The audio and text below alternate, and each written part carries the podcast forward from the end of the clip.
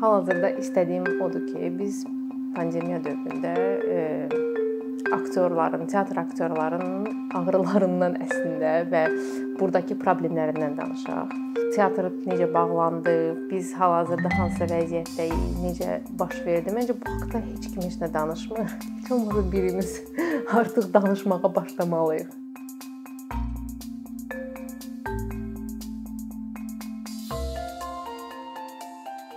Mən 17 yaşından teatrda fəaliyyət göstərirəm. İlk öncə Akademik Milli Dram Teatrında işləmişəm. Sonra oradan çıxmışam. İndi Şuşa teatrında işləyirəm. Alternativ olaraq Ado teatrında da fəaliyyət göstərirəm. Amma indi pandemiyadır və heç bir teatr fəaliyyətimiz yoxdur. Ümumiyyətlə 1 ildir mən teatra getmirəm. Mən pandemiya dövründə başa düşdüm ki, ümumiyyətlə Azərbaycanda teatr lazım deyil lazım olsaydı, yəni tamaşaçıların heç olmasa biri deyərdi də. Bəlkə də deyiblər, mən görməmişəm, amma heç vaxt teatr barəsində danışılmadı ki, teatr açılsın, tam biz gedək baxaq. Hər şey başa düşürəm. Bir dənə şey başa düşmürəm ki, heçmi heç kim istəmir tamaşa tamaşaya baxmaq. Sırf mənə maraqlı olan heç bir tamaşaçı bir dəfə demədi ki, biz tamaşaya baxmaq istəyirik. Nə vaxt teatrlar açılır? Əslində dövlət teatrlar teatrlarında işləyənlər hal-hazırda maaş alırıq. Hamımız e, maaşımızı alırıq. Bizim əslində maaşlıq problemimiz deyil məsələ. Teatr elə bir sənətdir ki, canlı sənətdir və dünyada e, çox qədim sənətlərdən tək-tük qalma sənətdir ki, bu hələ də fəaliyyətdədir və hələ də bu, bu bunu istəyən, bunu sevən insanlar var, gedib baxan insanlar var yenilənir, özünü doğurur, amma e, hər halda yaşayır. Teatrda işləyən aktyorlar içində elə bir yanğı olur ki, o yanğını ancaq səhnədə boşalda bilirsən. Yəni siz heç vaxt e, gedib mən mən bilmirəm, mənim üçün belədir. Mən kameranın qabağında belə olanda teatrdakı qədər e, azad və xoşbəxt hiss eləmirəm. Amma teatrda başqa mənə başqa hisslər verir teatrda. Teatrda yəni səhnəni sevdiyim qədər heç bir şeyi sevmirəm məncə. Mən belə düşünürəm ki, ona görə və belə aktyorlarımız çoxdur.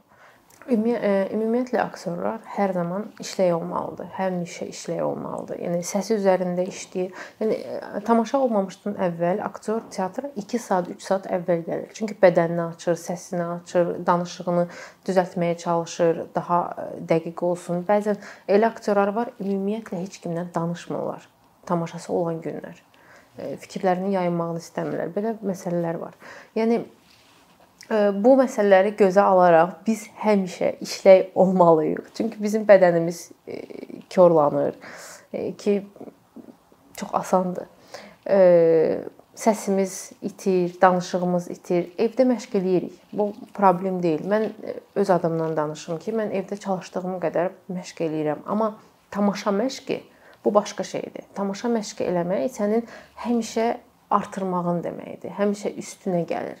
Daha nəsə tapırsan, daha alternativ bir rolun üzərində işləyəndə insan nə bilim onun xarakteri analiz edirsən, psixoloji analizini edirsən, nə bilim e, bədən tempini analiz edirsən, e, plastikasını tapırsan, onu edirsən, bunu edirsən və bu elə bir hala gətirir, bir obraz ortaya çıxarır, nə bilim sizi mən yaradıram.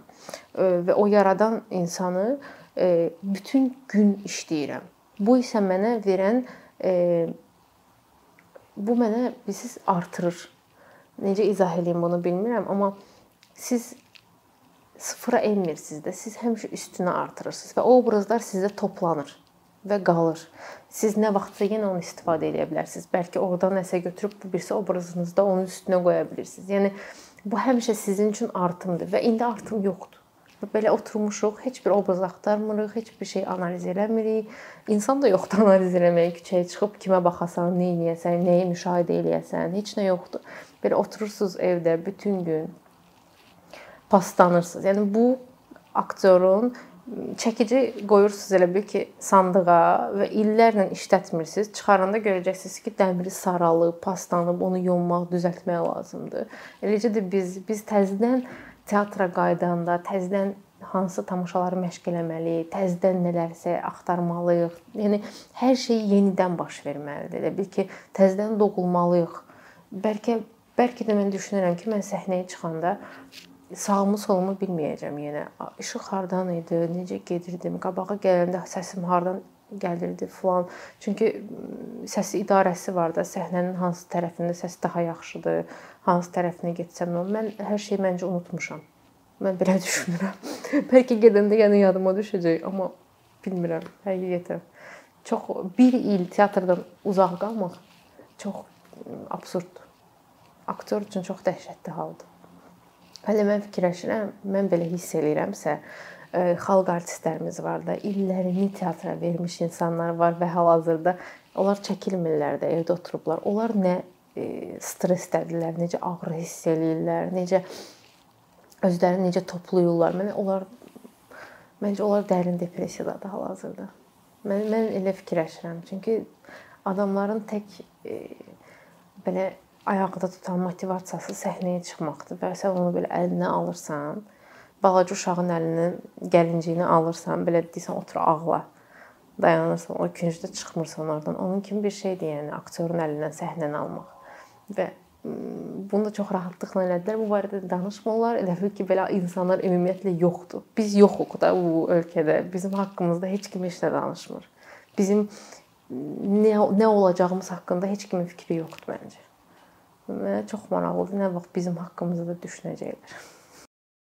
Əkinçinin yeni videoları haqqında məlumatlı olmaq üçün kanalımıza abunə olmağı və xəbərdarlıq funksiyasını aktivləşdirməyi unutmayın. Bununla bərabər gördüyümüz işlərin davamlı olmasını istəyirsinizsə, bizim patronların sırasına qoşulmağınızı rica edirik. Əkinçinin Patreon icmasının üzvü olaraq siz bizim təşəbbüsə dəstək göstərməklə bərabər hazırladığımız materialları hər kəsdən öncə izləmə imkanı əldə edəcəksiniz. İmkandan istifadə edərək cari patronlarımıza işlərimizi davam etməyə yardım olduqları üçün dərin təşəkkürümüzü bildiririk.